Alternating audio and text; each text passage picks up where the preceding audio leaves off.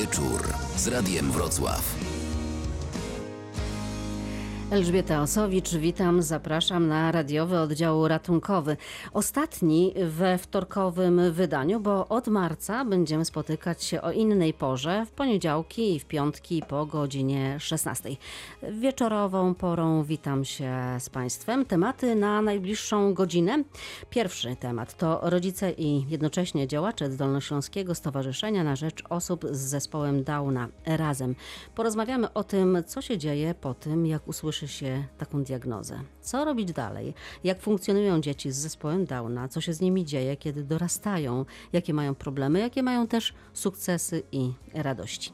Dziś w programie także o unikalnej operacji w Uniwersyteckim Szpitalu Klinicznym we Wrocławiu, który jako jedyny na Dolnym Śląsku, czwarty w kraju, ma nanonóż. To takie sprytne urządzenie, które pozwala operować nieoperacyjne guzy. W największym skrócie mówiąc, elektrodą razi się prądem guza i guz znika. Ale więcej pod koniec audycji. Dziś także historia dziecka, którego jeszcze nie ma na świecie, ale już wiadomo, że zaraz po urodzeniu będzie musiało mieć operację. Dzięki badaniom prenatalnym udało się zdiagnozować poważną wadę serca. O tym, co rodzice robią, aby uratować swoje dziecko, maleńkiego Mateuszka, w dzisiejszym programie. Także Elżbieta Osowicz, zapraszam. Publicystyka w Radiu Wrocław. A teraz ze mną już zapowiadani goście z Dolnośląskiego Stowarzyszenia na Rzecz Osób z Zespołem Downa razem. Z nami jest pani Mariola Szariwastaw. Udało się. Dobry wieczór. Dobry wieczór. Udało się, bo pani ma wyjątkowo skomplikowane nazwisko, ale ćwiczyłam i jest sukces. Dużo łatwiej teraz będzie z drugim gościem, pan Andrzej Żabski. Dobry wieczór. Dobry wieczór. Rozmawiamy na niecały miesiąc e, przed Światowym Dniem dzieci z zespołem e, Downa. Będzie na całym świecie obchodzona jakby wiedza, edukacja na, na ten temat. Natomiast chciałabym, żebyśmy zanim zaczniemy rozmawiać o tym, co robicie w stowarzyszeniu, czym się zajmuje e, stowarzyszenie, żebyście powiedzieli proszę o swoich własnych doświadczeniach, bo oboje macie dzieci z zespołem Downa. Panie Andrzeju, pan ma dłuższy staż, więc od pana zacznę. Mam długi, dłuższy staż, ale y, w stowarzyszeniu mamy rodziców, którzy mają też y, jeszcze większy staż, y, z, mając, posiadając dzieci z zespołem Downa.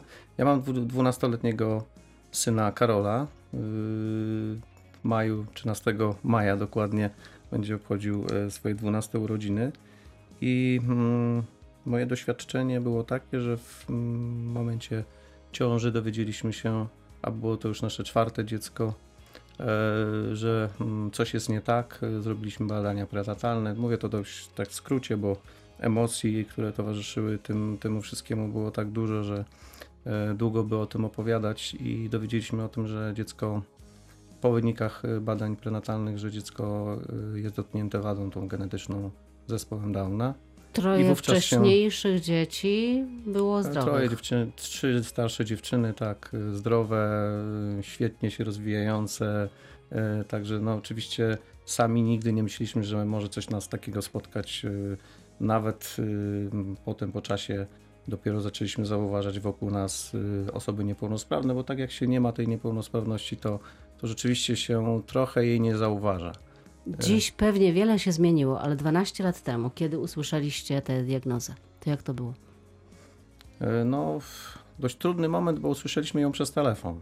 Tak naprawdę z, byliśmy na badaniach w Łodzi, wróciliśmy do Wrocławia po, po dwóch miesiąc, po miesiącu czasu otrzymaliśmy telefoniczną informację, że, że mamy pecha, więc to było już bardzo trudne. E, tak, tak, tak, taka była informacja od lekarza e, prowadzącego z Łodzi, z czym w tej chwili też próbujemy walczyć, żeby ten kontakt lekarza, pierwsza informacja była na zupełnie innym poziomie, żeby jednak e, ten rodzic, który doznaje pewnego szoku, był otoczony jakimś, jakąś taką no, informacją, która da mu jakąś nadzieję w tej no, bardzo niewątpliwie trudnej sytuacji.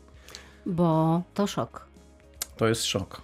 Potwierdzam, to jest nieprawdopodobny szok. Emocje, które temu towarzyszyły y, mi i mojej małżonce, no, były przeogromne. Ustaliliśmy, że mogę Pana o to zapytać, więc bez mhm. problemów pytam, bo Dużo się teraz mówi o tym, y, że zresztą prawo dopuszcza ze względu na wady genetyczne aborcję. Czy myśleliście o tym, kiedy usłyszeliście taką diagnozę? Y, Uczciwie powiem, że y, wszystkie myśli były wówczas się kotłowały. Stanęliśmy przed ścianą i z, z takim wyborem albo będziemy żyli z dzieckiem niepełnosprawnym, a mieliśmy świadomość troszeczkę z racji tego, że skończyliśmy y, Akademię Wychowania Fizycznego, na której troszeczkę o, o niepełnosprawnościach, o wadach genetycznych tak rozmawialiśmy. Y, Jakby przeczuwaliśmy, może moja małżonka bardziej, ja trochę byłem bardziej optymistyczny, z czym to się, z czym to się wiąże, aczkolwiek no po, w, cza, w czasie życia potem Karola dopiero zobaczyliśmy, jak to jest ogromny trud i, i wychowania. No, mieliśmy różne myśli, również o, o również takie myśli, żeby, żeby rzeczywiście mm, tą sprawę zakończyć w ten sposób, y, ale Co przeważyło? przeważyło, przeważyło nasz światopogląd, który no, nie spowodował, że no, jakby nie moglibyśmy, nie moglibyśmy pozbawić życia tej, tej istoty, tego, tego dziecka według nas. A taka najbardziej jakby istotna sprawa była też dla nas, y, był dla nas argument, y, co powiemy naszym, naszym dzieciom, jakby, czy będziemy wiarygodni w stosunku do naszej trójki, trójki starszych dzieci, jeżeli e, dokonamy takiego bardzo trudnego wyboru. Myślę, że e, razem byśmy sobie z tym nie poradzili, w związku z tym e, Karol żyje i w tej chwili jesteśmy z tego bardzo szczęśliwi oczywiście. No nie wyobrażamy sobie życia bez niego, aczkolwiek trudy, z jakimi się spotykamy na co dzień, no, są przeogromne. Życie się powywracało 12 lat temu. Powywracało. Trzeba było wszystko odbudować y, i zbudować sobie na nowo. To było naprawdę bardzo trudne i zanim opanowaliśmy sytuację, to no, co najmniej przynajmniej pół roku minęło po urodzeniu, zanim ogarnęliśmy i, i zaczęliśmy to jakoś porządkować, tak? Ale do tej pory jeszcze myślę, nie jest to wszystko uporządkowane, jest dużo, e, dużo w tym też e, takiej improwizacji wynikającej z tego, że te dzieci są nieobliczalne. Jak sobie radzicie, jak żyjecie? O tym będziemy za chwilę rozmawiać więcej. Pani Mariolu, a, Pani Mariolo, jak to było z Panią? Pani e, ma maleńkie dziecko. Ile ma lat? Tak, a Jan ma teraz 19 miesięcy, to jest mój drugi syn. Starszy kończy 4 lata przy, e, pod koniec marca. I u nas e, było troszeczkę inaczej, ponieważ ciąża cała przebiegała prawidłowo. Badania prenatalne, które robiliśmy, też wskazywały na niskie ryzyko urodzenia dziecka z zespołem Downa, więc w zasadzie przez e, cały okres ciąży żyliśmy w takiej błogiej nieświadomości, że coś może się wydarzyć. A dopiero pod koniec 32 e, tygodnia ciąży e, lekarz prowadzący zauważył, że Ajan troszeczkę mniej przybiera na wadze. E, w- postawiono e, diagnozę hipotrofii, zbadaliśmy to w szpitalu, no i przy drugiej kontroli się okazało, że jest e, konieczność cesarki pilnej. E, No i e, na drugi dzień e, mieliśmy właśnie konsultację z genetykiem, który powiedział nam, że podejrzewany jest u dziecka zespół Downa. Co Pani wtedy wiedziała o tej chorobie? No tyle, co widziałam na ulicy albo gdzieś tam udało mi się usłyszeć. Też właśnie tak jak tutaj Andrzej mówił, jeżeli człowieka to bezpośrednio nie dotyka, nie interesuje się tak naprawdę tematem, dopiero kiedy, kiedy musi, zaczyna szukać informacji a, i, i tak to wygląda zazwyczaj. Pani dowiedziała się w taki bardziej cywilizowany sposób, e, że tak powiem, że to była ta informacja przekazana w taki delikatny, rozważny sposób. Był czas na rozmowę, na, na informacje, co dalej. E, W moim przypadku osobiście tak było, bo e, e, syn wylądował w inkubatorze, bo też jest wcześniakiem. E, I na drugi dzień, kiedy poszliśmy go zobaczyć, akurat e, był genetyk przy nim, który właśnie oceniał stan dziecka i poprosił nas na rozmowę, więc w naszym przypadku tak to wyglądało, aczkolwiek e, wiem od innych nowych rodziców, że no nie zawsze tak jest. I co wtedy się słyszy? Że wszystko będzie dobrze, czy co mówią wtedy lekarze? Co powinni powiedzieć Czy właściwie? pan doktor nas zapewniał, że są fundacje, stowarzyszenia, które mogą pomóc, aczkolwiek jedyną informacją, którą ja pamiętam z tamtej chwili jest zespół Downa i nic więcej, więc reszty słów naprawdę to była długa rozmowa, nie pamiętam. Co rzeczywiście powinno się wydarzyć, kiedy już Wiemy, że jest taka diagnoza. Co dalej? Jaki powinny być krok, jaki powinien być standard? A jak jest? To, y, jaki jest standard? No, mm, ja, ja bym powiedział tak. y, Rodzice y, przeżywający szok mm, nie chcą jakby zaakceptować, że im szybciej rozpoczną jakiekolwiek działania, rehabilitację, tym lepiej dla tego dziecka. W związku z tym dość często jest tak, że no, mm, późno trafiają te dzieci. Bo tu nawet, no mówię, miesiąc, dwa są decydujące też dlatego, żeby to dziecko, żeby to dziecko lepiej funkcjonowało. Przede wszystkim jest ta hi- hipotomia. yy, Bo to wiadomo, jest, yy, przecież zaraz po urodzinach, e, po Mhm. narodzinach e, lekarze diagnozują i wiadomo, to nie ma tak, że to się y, zdiagnozuje. Tu się, nie, tu się już, y, tu już nie ma odwrotu. No jest, to jest ta wada genetyczna i, i potwierdza się oczywiście jeszcze Badania. badaniami genetycznymi, ale w zasadzie no, to jest tylko potwierdzenie, tak klepnięcie jakby, mm, żeby otrzymać dokument, który pozwala potem na otrzymanie orzeczenia o niepełnosprawności. Natomiast w takiej sytuacji no, trzeba trafić już do ośrodka y, wczesnej interwencji. No właśnie, i, I- trafia się z oddziału z porodówki, nie wiem, wychodzi się do domu normalnie, tak, a potem do tego oddziału wczesnej interwencji. Są takie oddziały, są tam miejsca.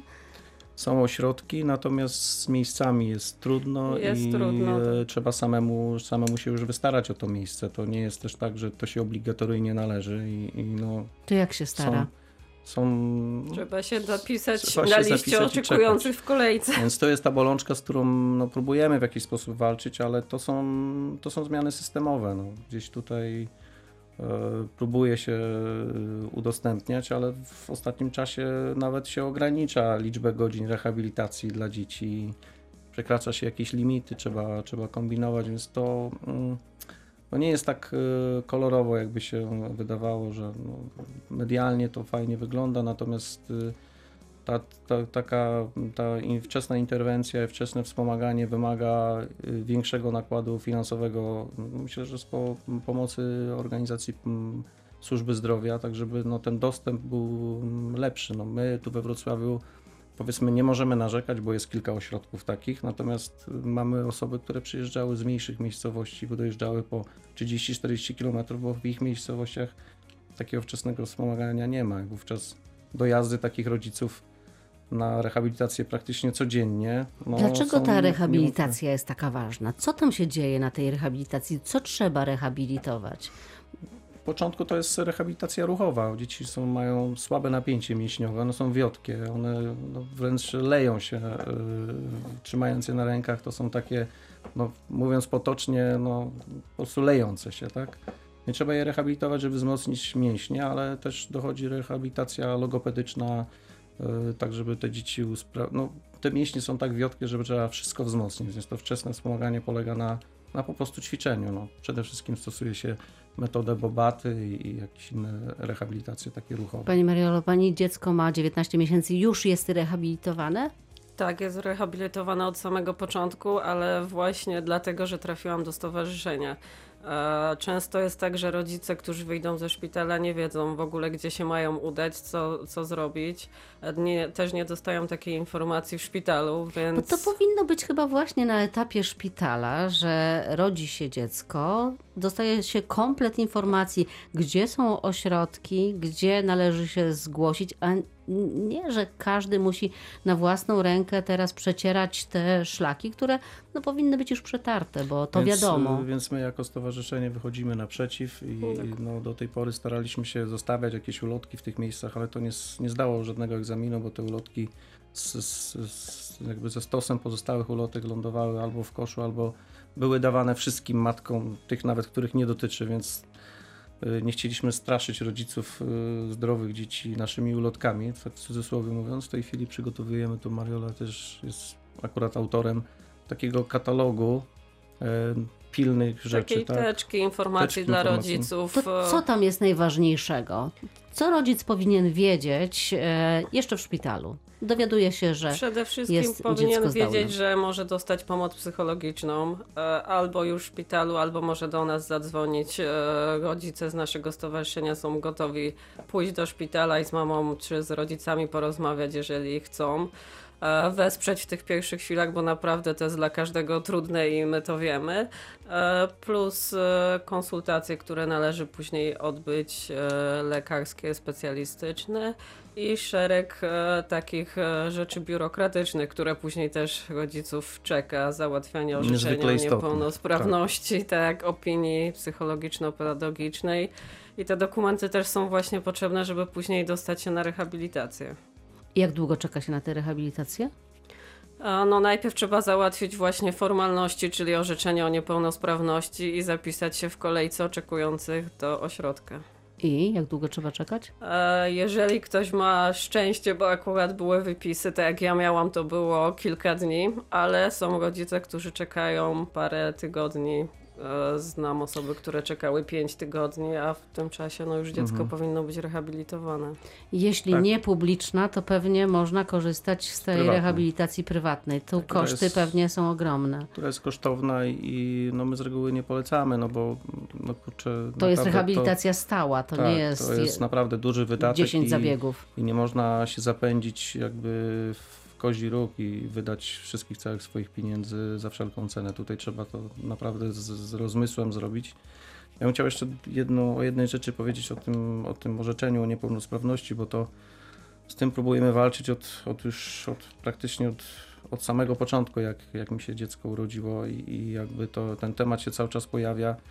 No, to jest rzeczą niebywałą, mm, że nie możemy tej sprawy załatwić i, i tak apelujemy do naszych władz, żeby to orzeczenie o niepełnosprawności nie trzeba było odnawiać co dwa lata, żeby rodzice nie byli upokarzani wizytą y, na komisji y, w Miejskim Ośrodku Pomocy Społecznej i udowadniali, że dziecko jest, y, ma zespół Downa. Jest to coś przerażającego i mam nadzieję, że za jakiś rok, dwa, trzy no te przepisy się na tyle zmienią, że dziecko będzie miało orzeczenie do 16 roku życia, a potem do końca życia, bo nic się nie zmieni w jego życiu. On to dalej cały czas będzie miał tą wadę genetyczną.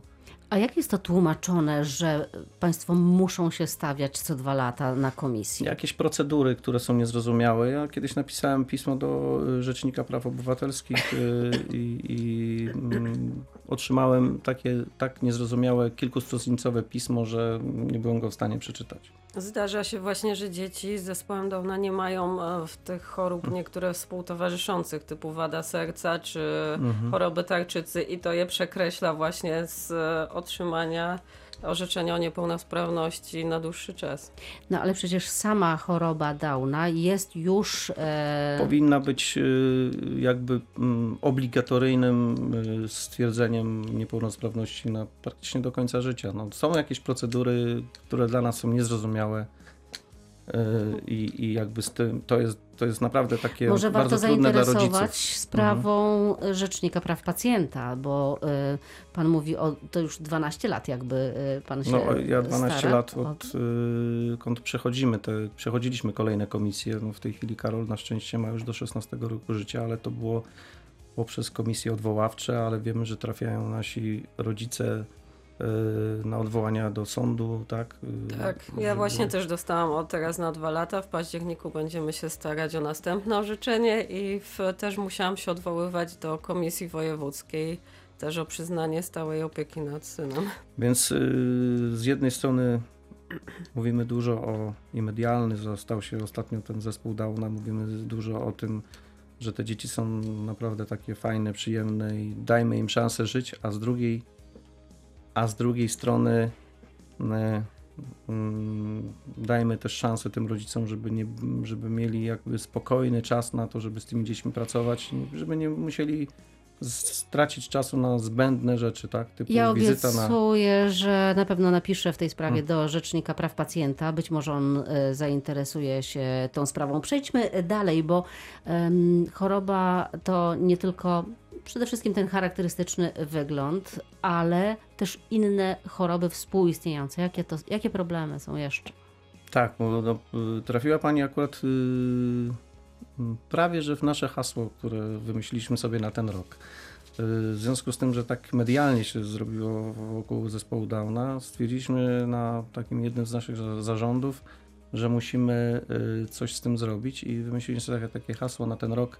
Zespół Downa to nie tylko wygląd.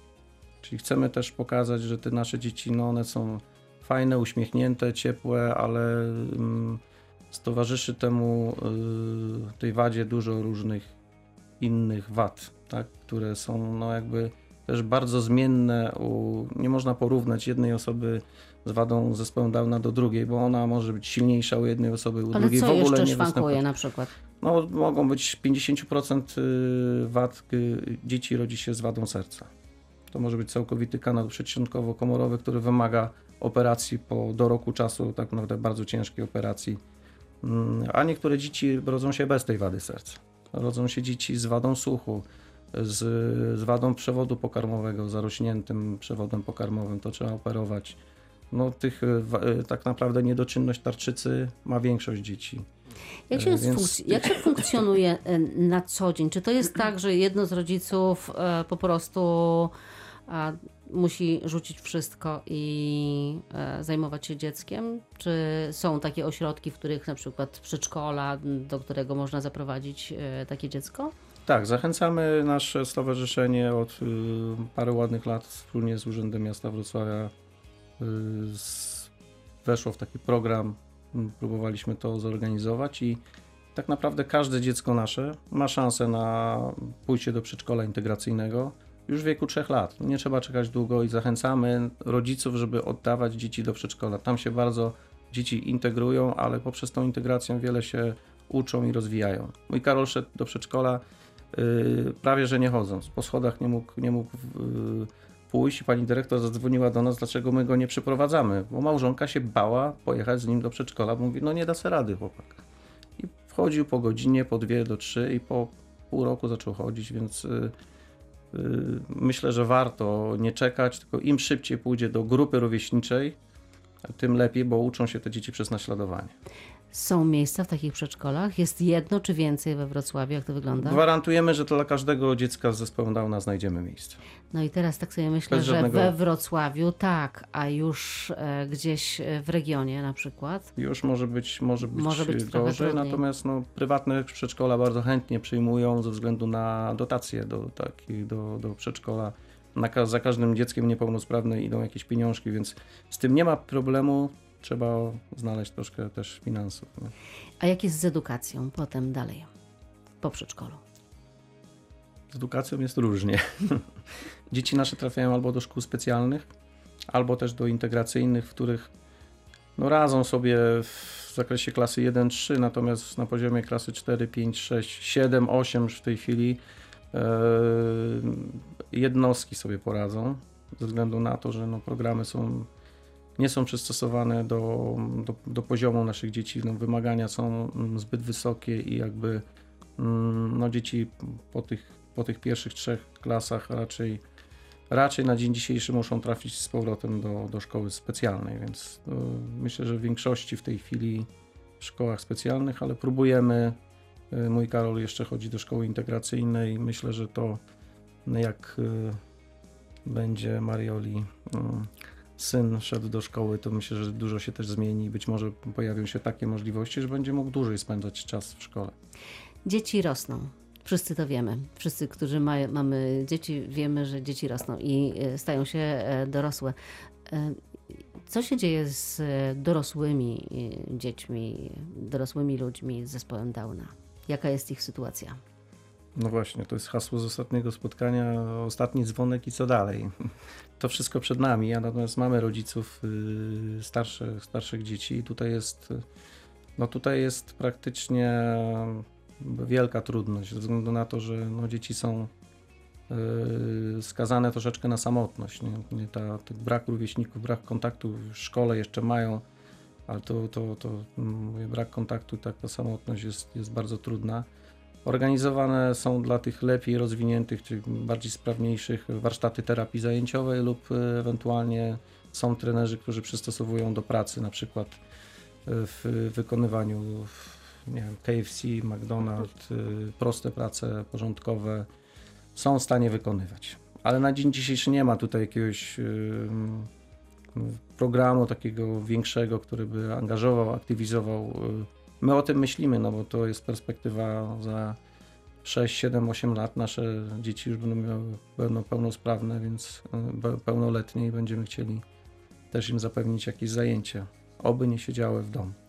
Myślę, że jeszcze sporo jest do zrobienia, jeśli chodzi o opiekę i zagospodarowanie w ogóle no, ogromnej rzeszy jednak e, ludzi, którzy no, dorastają i co z nimi dalej. Tak, Dużo do zrobienia. Musimy kończyć, ale jeszcze chciałam powiedzieć o Waszym kalendarzu. Kalendarz na 2018 rok. Proszę powiedzieć, słodki kalendarz? Dlaczego tak? Chcieliśmy osłodzić e, sobie życie. No, Z reguły nasze kalendarze są pozytywne. W, zeszłych latach był słoneczny kalendarz, a w tym roku jest słodki kalendarz. Na pierwszej stronie są fotografie dzieci z zespołem Downa. Tak, to, są, to jest takie sprawozdanie z warsztatów, y, gdzie dzieci nasze malowały y, przed świętami Bożego Narodzenia, pierniki, więc y, odbyły się takie warsztaty, była fajna zabawa, dzieci nawet się udało pomalować. W środku tego kalendarza są przepisy na ciasta różnego rodzaju. Widzę sernik z białą czekoladą i żurawiną. Nie mogę na to, Tak, to patrzeć. takie, nie, trochę to jest taka trochę zamknąć. prowokacja, bo my z reguły naszym dzieciom nie powinniśmy dawać takich słodkości, bo powinny być na, na raczej na diecie, ale to jest y, kalendarz ogólnodostępny dla ludzi, którzy chcą go nabyć. Jest do Właśnie, jak można Wam pomóc?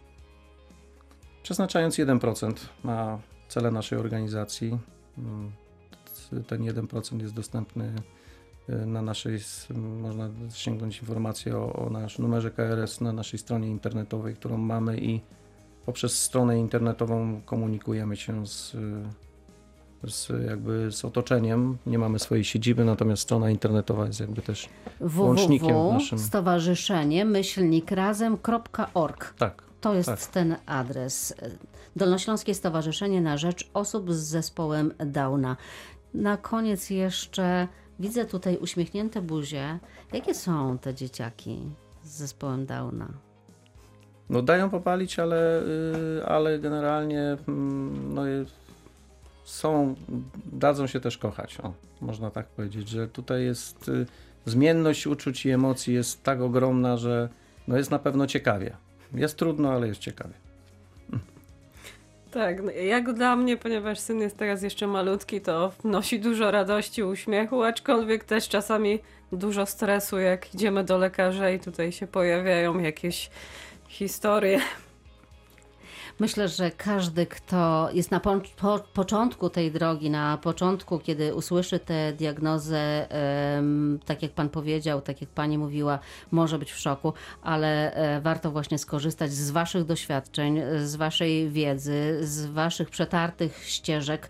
E, bardzo zachęcam do tego, żeby kontaktować się ze Stowarzyszeniem Dolnośląskie Stowarzyszenie na Rzecz Osób z Zespołem Downa. Stowarzyszenie nazywa się razem. Bardzo dziękuję za wizytę w studiu. Przypomnę tylko, e, naszymi gośćmi byli pani Mariola Szriwastaw, Riwastaw, tak? dobrze, i pan Andrzej Żabski. Dziękujemy bardzo. Dziękuję Dziękujemy. najmocniej. Proszę pozdrowić swoje dzieciaki. Które chyba już śpią. Już śpią, jak się obudzą.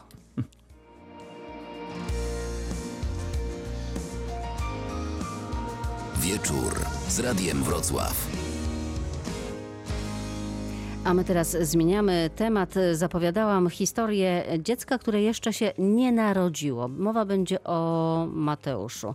Mateusz, dopóki jest w brzuchu mamy, jest bezpieczny, ale po narodzinach zacznie się walka o jego życie. Dzięki badaniom prenatalnym wiadomo, że chłopiec urodzi się z ciężką wadą serca. Rodzina z podwrocławskiego Tyńca Małego musi do połowy marca uzbierać 350 tysięcy złotych na operację w Niemczech. Posłuchajmy mamy. Ponieważ y, mam już 35 lat, to zostałam wysłana e, na, na badania prenatalne. Pojechałam sama, no bo w zasadzie po co mi tam mąż na takich badaniach zwykłych, nie pierwsze, nie ostatnie. E, No i niestety okazało się, że e, coś jest nie tak z serduszkiem. Jeszcze wtedy nie do końca było wiadomo co, no bo wiadomo, takie serduszko e, jest e, malusieńkie, to był 12 tydzień ciąży, więc lekarze byli w stanie powiedzieć tylko, że jest e, nieprawidłowość. I z każdym kolejnym badaniem, a było ich sporo, bo wierzyliśmy w to, że lekarze się pomylili. Być może któryś popełnił błąd i w końcu usłyszymy, że, że to serduszko zaczęło się po, poprawnie rozwijać. Niestety każde kolejne badanie potwierdzało wadę i coraz bardziej nas zbliżało do tej jednoznacznej diagnozy, że to jest właśnie ta wada, a nie inna. Jaka? HLHS, czyli niedorozwój lewej części e, serduszka. Pytaliśmy się lekarzy, absolutnie nie, nie ma jednoznacznych teraz e, odpowiedzi. Jeden z lekarzy powiedział nam po prostu, że na nas wypadło. Poza tym nasze e, pierwsze dzieciątko jest zupełnie zdrowe.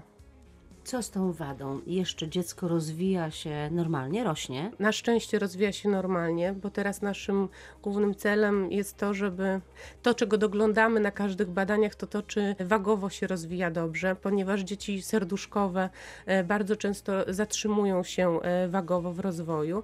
Na tą chwilę w ubiegłym tygodniu byliśmy na ostatnich badaniach, wszystko jest w porządku, pięknie rośnie, tylko niestety nie serduszko. Więc prawa komora jest już teraz troszeczkę za duża w stosunku do jego wieku, bo przejmuje e, już stopniowo funkcję tej lewej e, komory, którą niestety, e, niestety, niestety, nasz synek jeszcze ma szczątkową tą lewą komorę, natomiast już teraz wiemy, że po urodzeniu ona nie da rady zasilić w tlen całego organizmu i niestety będzie trzeba przeprowadzić operacje, które spowodują, że e, w przyszłości będzie to serduszko jednokomorowe. Na kiedy planowany jest? Proszę oddychać.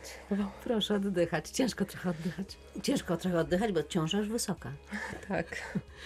E, Na kiedy planowany jest poród? Teoretycznie mm, na połowę kwietnia. Natomiast jeżeli y, uda nam się wyjechać do Niemiec, w co głęboko wierzę, to 28 marca powinnam mieć pierwszą wizytę ambulatoryjną i tak naprawdę tam wszystko się okaże. Zależy to od wielu czynników, przede wszystkim od kondycji dziecka. Nadal wierzymy w to, że damy radę z porodem naturalnym, więc z, obstajemy nadal przy tej dacie koło połowy kwietnia. Bo pani już rodziła wcześniej naturalnie. Tak, I chce tak. pani naturalnie. Jasne wszystko, co mogę, chociaż troszeczkę po troszeczku dać tego najlepszego, a nadal wiem, że te porody naturalne są lepsze, natomiast nie są żadnym przeciwwskazaniem w przypadku serduszkowych dzieci. My wygrywamy tym, że mamy, mieliśmy możliwość zorientowania się, e, przeszukania, wybrania tego, co, co naszym zdaniem będzie najlepsze. Właśnie, państwo szukają za granicą. Dlaczego nie w Polsce? Absolutnie nie szukaliśmy za granicą. My szukaliśmy kogoś, kto w najlepszy możliwy sposób zajmie się naszym synkiem. Dowiedzieliśmy się, że trzeba specjalistów, że możemy to zrobić w trzech ośrodkach referencyjnych w Polsce. To jest Łódź, Kraków, Prokocim i Centrum Zdrowia e, Dziecka w Warszawie. Że mamy w Polsce takie szanse, natomiast y, za każdym razem, gdzieś tam na tych forach, w komentarzach, za każdym razem pojawiało się nazwisko profesora Edwarda Malca, który kiedyś w Krakowie operował, teraz operuje w Niemczech. Wspaniałe komentarze, wspaniałe historie ratowania bardzo trudnych przypadków, których nigdzie indziej nie udało się uratować. No i zaczęliśmy dociekać, jakie mamy szanse tu e, w Polsce, jakie mamy szanse za granicą. I to nie było tak naprawdę oczywiste, e, zważywszy też na fakt, że ja mam starszego synka i chciałabym być jak najbliżej niego, więc decyzja nie była prosta. Wolelibyście zostać tu? Ale oczywiście, że tak i mieć możliwość dojechania w dwie godziny do synka, którego tutaj zostawię. Co zaproponowano wam w Polsce? E, W Polsce na początek dowiedziałam się, że e, nie muszę urodzić dzieciątka, że mogę zrobić badania inwazyjne, amniopunkcję i wtedy, jeżeli wyjdą dodatkowe wady, no to to jest na tyle poważna wada, że, że mogę przerwać ciążę. Myślała pani o tym? O takim? Nie, nie, nie, to, to nasze dziecko. To tak jakby mój synek starszy nagle zachorował i no przecież to jest moje dziecko. Do tej pory tak naprawdę nikt nam nic nie zaoferował, oprócz tego, ja nie wiem nic. Ja, gdyby nie internet, nie mamy, które niesamowitą, e, nie, są niesamowitym wsparciem dla siebie, mamy, które już przez to przeszły, to, to tak naprawdę nic bym nie wiedziała, ponieważ w Polsce Nikt nam nie powiedział, z czym to się wiąże. Wszystko, co wiem, wiem od mam, które, zresztą teraz, które nawet są tam z dziećmi w klinice. Dowiedziała się pani, że są w Polsce trzy takie ośrodki. Tak. Próbowała pani się do nich dostać, diagnozować, pytać? W dwóch jesteśmy, byliśmy diagnozowani, to znaczy badano nas. I co tam pani się dowiedziała? że mam synka, który urodzi się z, z wadą y, serduszka. Natomiast y, tam nikt nie udziela informacji, co będzie dalej. Są informacje, nawet teraz w ubiegłym tygodniu, że jak następnym razem przyjedziemy za te trzy tygodnie, czyli tak naprawdę tydzień przed porodem, to być może będę musiała już tam zostać. No i że dziecko będzie miało tam trzy operacje, że to ciężkie operacje i to, to wszystko. Szukała pani dalej. Szukaliśmy dalej. Dowiadywałam się o tym, że szanse na przeżycie są nieporównywalne w Niemczech i w Polsce. Jakie są te statystyki? W Polsce około 20% umieralności okołoporodowej. Oczywiście w tych 20% też są przypadki, w których dzieciątko jest po prostu za słabe i nie udałoby się nigdzie. W Niemczech, z tego co się mówi, bliskie zeru. Natomiast ja, się, ja sobie zdaję sprawę z tego, mm, że nie ma możliwości, żeby tych powikłań nie było gdzieś. Natomiast dla mnie 1, 2%, 3 czy 10 to jest kwestia nie 10%, tylko 10 dzieci, które przeżyją albo nie przeżyją. Dla mnie to dużo, bo w tej dziesiątce, piątce albo w jednym procencie może być moje dziecko. Dlatego zdecydowaliście. O wyprawie do Niemiec. Jaki tutaj jest scenariusz? Tutaj scenariusz wygląda tak, że mamy się stawić 28 właśnie na ambulatoryjne badania. Po porodzie dzieciątko od razu jest zabierane, ponieważ musi dostawać y, od razu stały wlew y, leku, który przetrzyma je bezpiecznie do operacji. Powinna się wydarzyć w ciągu pierwszego tygodnia po narodzinach. Po tym tygodniu, w zależności od kondycji dziecka, dziecko trafi albo na intensywną terapię, to znaczy albo na krócej, albo na dłużej na intensywną terapię, gdzie, uwaga, mogę być przy dziecku non-stop, a później trafi na kardiologię, gdzie wszyscy będziemy mogli być razem, no i później zobaczymy, jak będzie się goiło, jak będzie Ta dochodził do operacja siebie. jeszcze, ta operacja, na czym ona ma polegać? Ona jest pierwszym etapem, wstępem do tego, żeby serduszko mogło funkcjonować bez udziału drugiej, lewej strony serduszka. Jedna z trzech, które przekonstruują wszystkie naczynia w serduszko jednokomorowe. Zamiast lewej komory jest robiony obiekt dookoła jakby serduszka. I To- to będzie robił właśnie profesor Malec? Profesor Malec wraz z zespołem jest tam docent Jakubowska, którą zabrał ze sobą stąd z Krakowa. Z tego co wiem, nieprawdopodobny zespół. Co jeszcze przeważyło za tym, że pani szuka pomocy za granicą? To doświadczenie tego zespołu właśnie? To po pierwsze e, niezaprzeczalnie szanse, jakie daje e, ten zespół. Nie miejsce, zespół. Dwa, myślę, że procedury i możliwości w e, polskich szpitalach, które jeszcze miesiąc temu słyszeliśmy o tym, że e, są odsyłani pacjenci, że nie ma łóżek i tak dalej. Ja już wtedy musiałam podjąć taką decyzję. Trzy, opieka okołoporodowa moja. Czy ja mogę być z dzieciątkiem? W Polsce niestety, z tego co wiem, dzieci y, na intensywnej terapii są usypiane po to, żeby, y, żeby były spokojne, bo rodzice niestety nie mogą być z nimi. Tam mogę. Nie wiem, mm, ile matek będzie mnie słuchało, ale dla mnie bardzo dużym przeżyciem jest to, że ja po porodzie nie przytulę dziecka. Ogromne przeżycie, natomiast jakbym miała go jeszcze nie zobaczyć przez 2-3 tygodnie, to nie wiem, jakbym dała radę. Doświadczenia tamtych lekarzy, jak często oni to robią? Profesor Malec pierwszą operację tego typu, zakończoną powodzeniem w Polsce, wykonał w 1991 roku. Był prekursorem, on zaczął i od tamtej pory y, te operacje są wykonywane w Polsce. Jest w tym specjalistą, on tym się zajmuje, obecnie kieruje kliniką kardiochirurgii dziecięcej, to samo robił tutaj w Polsce. Zajmuje się w zasadzie tylko tym. Pośród wszystkich wad serca, głównie tymi y, HLHS, y, czyli jednokomorowymi serduszkami. To, co usłyszeliśmy tutaj od lekarzy, kiedy nieśmiało przyznaliśmy się do tego, że jednak stawiamy na, na niemiecką klinikę. Wiemy o tym, że jest dużo negatywnych w związku z tym komentarzy. To jeden z lekarzy powiedział y, nam, że nigdy lekarz, który wykonuje 100 operacji rocznie, nie da tego samego, co lekarz, który wykonuje 300 operacji rocznie. Tu się liczy po prostu doświadczenie, a profesor je ma. Teraz jest jeszcze jeden problem. Pieniądze. Przy pomocy Fundacji Kawałek Nieba y, oraz y, Fundacji Się Pomaga y, i przy pomocy wielu dobrych osób, które się do nas same zgłaszają, które organizują przeróżne wydarzenia, zbieramy aż 350 tysięcy na pierwszą operację. Coś już macie.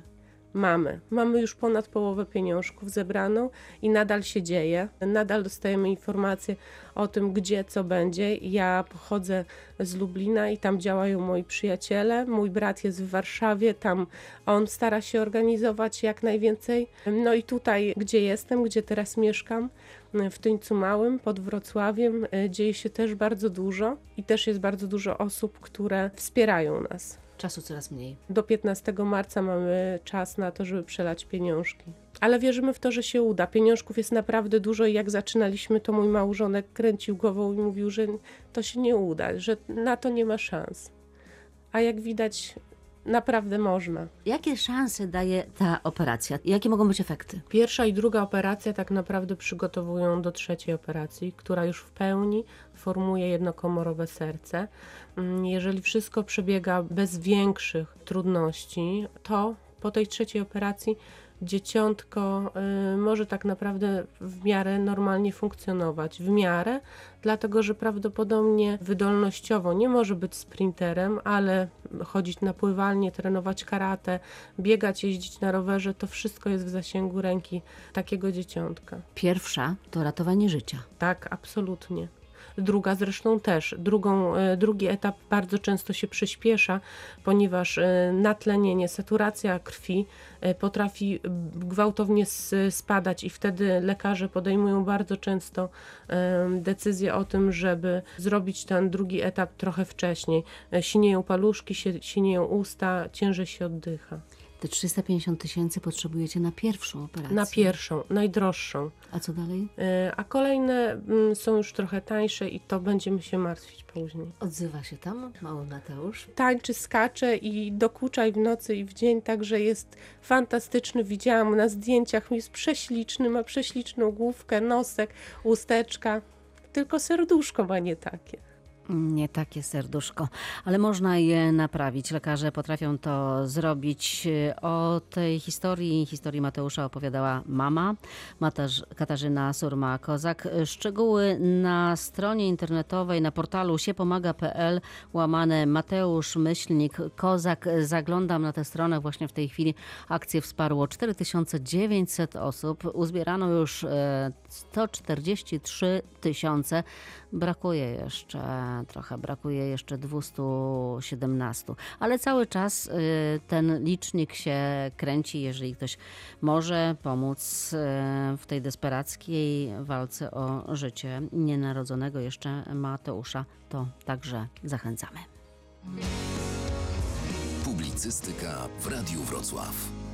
A teraz jeszcze jedna historia, eksperymentalna właściwie, bo to urządzenie, o którym teraz powiemy, bardzo niewiele ośrodków w ogóle je ma, no ale daje wielkie nadzieje. Nano nóż. Uniwersytecki Szpital Kliniczny we Wrocławiu jako jedyny na Dolnym Śląsku ma właśnie nanonóż. Urządzenie, które można wykorzystać na przykład w przypadku nieoperacyjnych guzów. Jak mówi kierownik Kliniki Chirurgii Ogólnej i Chirurgii Onkologicznej w szpitalu przy ulicy Borowskiej we Wrocławiu, profesor Wojciech Kielan, dla wielu chorych z rakiem trzustki to może być jedyna szansa, bo statystyki są okrutne. powiedzmy na 100 chorych operowanych z powodów guzów trzustki, około 15 do 20% to są chorzy, którzy są tak zwani operacyjni, to znaczy, że guz jest do usunięcia chirurgicznego, a około 80-85% są to chorzy, których wykonuje się tylko zabieg paliatywny, polegający na wykonaniu e, zespoleń omijających z pozostawieniem guza, którzy są później e, wtórnie e, poddawani chemioterapii. W tym przypadku też było to takie trudne umiejscowienie? Może nie trudne umiejscowienie, tylko stopień zaawansowania guza był duży jest duży. Guz nie tylko obejmuje trzustkę, ale również e, nacieka tkanki otaczające i narządy otaczające, a przede wszystkim e, nacieka żyłę i tętnicę kreskową górną, którą warunkuje e, resekcyjność wykonania tego, tego zabiegu. Ta metoda, na pewno jest to jakaś tam alternatywa dla tych chorych o których mówiłem, dla tych pozostałych 85% chorych. To jest metoda, która powiedzmy sobie szczerze, może nie zupełnie do końca chorego wyleczy z tym nieoperacyjnym guzem trzustki, ale na pewno w jakiś sposób poprzez no, martwicę tej tkanki nowotworowej poprzez zabicie tego guza w jakimś sensie przedłuży chorym życie i każda możliwość przedłużenia tym chorym życia, wydłużenia tym chorym życia miesiąc, dwa, pół roku, rok, nie wiem ile, no jest dla nich, y, dla takich chorych wartością bezcenną, niesamowitą. W związku z tym no, dyrekcja tak samo rozumuje i wyszła nam naprzeciw, zakupiliśmy ten sprzęt. Zresztą staraliśmy się o ten sprzęt już od kilku lat, ponieważ już 4 lata temu były pierwsze takie dwa zabiegi wykonane u Sklińca, w tej chwili, ale na sprzęcie pożyczonym, a w tej chwili mamy ten sprzęt do własnej dyspozycji. Tym Już bardziej- umiecie? Już, czy jeszcze trzeba się uczyć? Uczymy się, chirurg się uczy całe życie i swoje chirurgiczne i to wymaga, wymaga y, jeszcze pra, y, większej praktyki, ale chcę powiedzieć, że ta metoda systemu tego nanoknife'a y, dla szpitala i ona będzie wykorzystywana nie tylko przy leczeniu guzów, nieoperacyjnych guzów trzustki, ale również może być wykorzystywana przy leczeniu przerzutów do wątroby, zupełnie niezależnych, i również przez urologów, i to bardzo powszechnie stosowane w kraju, do leczenia raka prostaty. Nie będzie Bardzo, stał bardzo bezczynnie. Nie będzie ten sprzęt stał bezczynnie. Lekarze mają pełne przekonanie co do tego, że nanoknife, e, czyli nanonóż, e, może być skuteczny. Problem polega między innymi na tym, że kosztuje naprawdę dużo, bo kosztuje półtora miliona złotych. Szpital kupił ten e, nóż, to urządzenie z własnych środków. Będzie starał się o refundację z Ministerstwa Zdrowia, ale nie oglądając się na ministerstwo, urządzenie zostało kupione. Dlaczego tak rzadko używa się w Polsce? Bo tylko cztery ośrodki mają taki nanonóż. O tym profesor Michał Studniarek z Uniwersytetu Medycznego w Gdańsku. Niesprawdzona metoda. Jest to zupełnie nowe rozwiązanie technologiczne, które jest w trakcie badań klinicznych. Czyli my jeszcze tak do końca nie mamy procedur zatwierdzonych przez oficjalne tory postępowania, które pozwoliłyby tak korzystać z tego jak z aspiryny czy tam jakiegoś antybiotyku. Czyli jest to w tej chwili najnowsza metoda leczenia o ogromnym potencjale, bo to jest metoda inteligentna. Ona niszczy wyłącznie komórki, nie uszkadza struktur ważnych dla życia pacjenta ale musi zostać przetestowana, sprawdzona.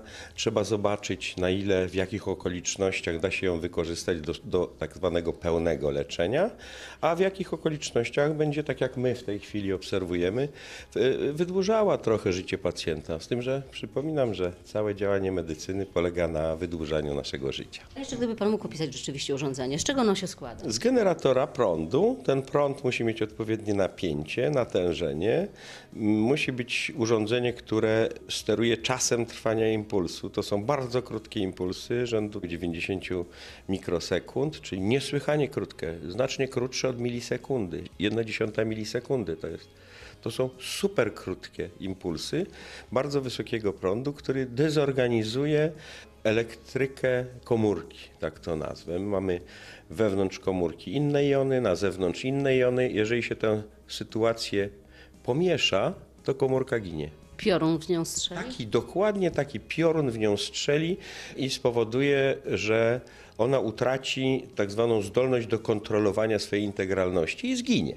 I ginie, po prostu ginie. Ona umiera tak, jak normalnie komórka umiera. Nie tak jak w innych metodach podgrzejemy ją do 100 stopni, to się ugotuje, albo zamrozimy ją do minus 100 stopni, to się zamrozi i umrze. Nie, ona tu umiera tak jakby i tak umarła, tylko znacznie później. Samo urządzenie to jedno, ale do tego jeszcze potrzebne są wymienne elektrody. Tak, są na e, elektrody, które są połączone z generatorem za pomocą kabli i to jest po prostu rozwiązanie techniczne. Tu nic nie ma mm, tajemniczego ani szczególnego. Igłę, którą traktujemy jako elektrodę pod kontrolą najczęściej obrazu, monitorowania takiego czy innego sposobu, na przykład ultrasonografii czy tomografii komputerowej, wprowadzamy tam, gdzie ma być. Na urządzeniu matce, czyli w tym generatorze, inżynier planuje strefę ablacji, korzystając z znanego położenia elektrod przedstawionego mu przez lekarza, który wprowadził te elektrody i na tej podstawie oceniamy, czy zabieg będzie skuteczny, czy nie. To jeszcze o kosztach parę słów proszę powiedzieć. Ile to kosztuje? Koszty są bardzo zróżnicowane w zależności od jednostki, ponieważ ja się tym tematem trochę od paru lat interesuje, to spotykałem już ośrodki, które biorą po 80 tysięcy złotych i takie, które biorą 25 tysięcy złotych. Za elektrody. Za całość. Za całość. Całość zabiegu, tak? Trzeba pamiętać, że to jest pobyt szpitalny. Jeżeli to jest technika śródoperacyjna, to to jest rozległa operacja. One są często znacznie kosztowniejsze niż same elektrody. Chyba, że jest to technika przezskórna, gdzie nie ma operacji, wtedy koszt jest wielokrotnie, znaczy wielokrotnie, jest niższy po prostu, jest niższy. Jakie są szanse na to, żeby NFZ rzeczywiście e, refundował te zabiegi, które są, jak e, praktyka pokazuje, w wielu przypadkach skuteczne? Jestem pewny, że będą refundowane, to jest tylko kwestia czasu. Jak wspomniałem 10 lat temu, zwykła termoablacja, czyli zastosowanie energii cieplnej do zniszczenia nowotworów wątroby, bardzo skuteczna metoda, niestety niemożliwa do wykorzystania w trzustce, była nieakceptowana przez NFZ. Dzisiaj płacą za to jak za normalną, skuteczną procedurę terapeutyczną i tak samo będzie z nanoknife'em. Tak samo będzie. Nie ma innego sposobu do tej pory skutecznego leczenia raka trzustki poza chirurgią. Poza chirurgią, ale chirurgia domaga się czego? Ona się domaga, żeby ten guz był mały i operacyjny. A jak on jest większy trochę, to już mówią nie, to już proszę do chemioterapii, do paliatywnego leczenia. Także ta metoda wypełnia ogromną lukę, poszerza szanse pacjentów, tylko my jeszcze tak prawdę mówiąc nie znamy jej do końca, ciągle badamy. w radiowym oddziale ratunkowym. E, Eksperymentalna metoda stosowana w Uniwersyteckim Szpitalu Klinicznym. W radiowym oddziale ratunkowym w, o tej porze, we wtorek e, od 21 do 22 po raz ostatni spotkaliśmy się. Będziemy się spotykać i rozmawiać e, o zdrowiu, ale o innej porze. Od marca nasze spotkania będą w poniedziałki i w piątki po godzinie 16. Zapraszam, Elżbieta Asowicz.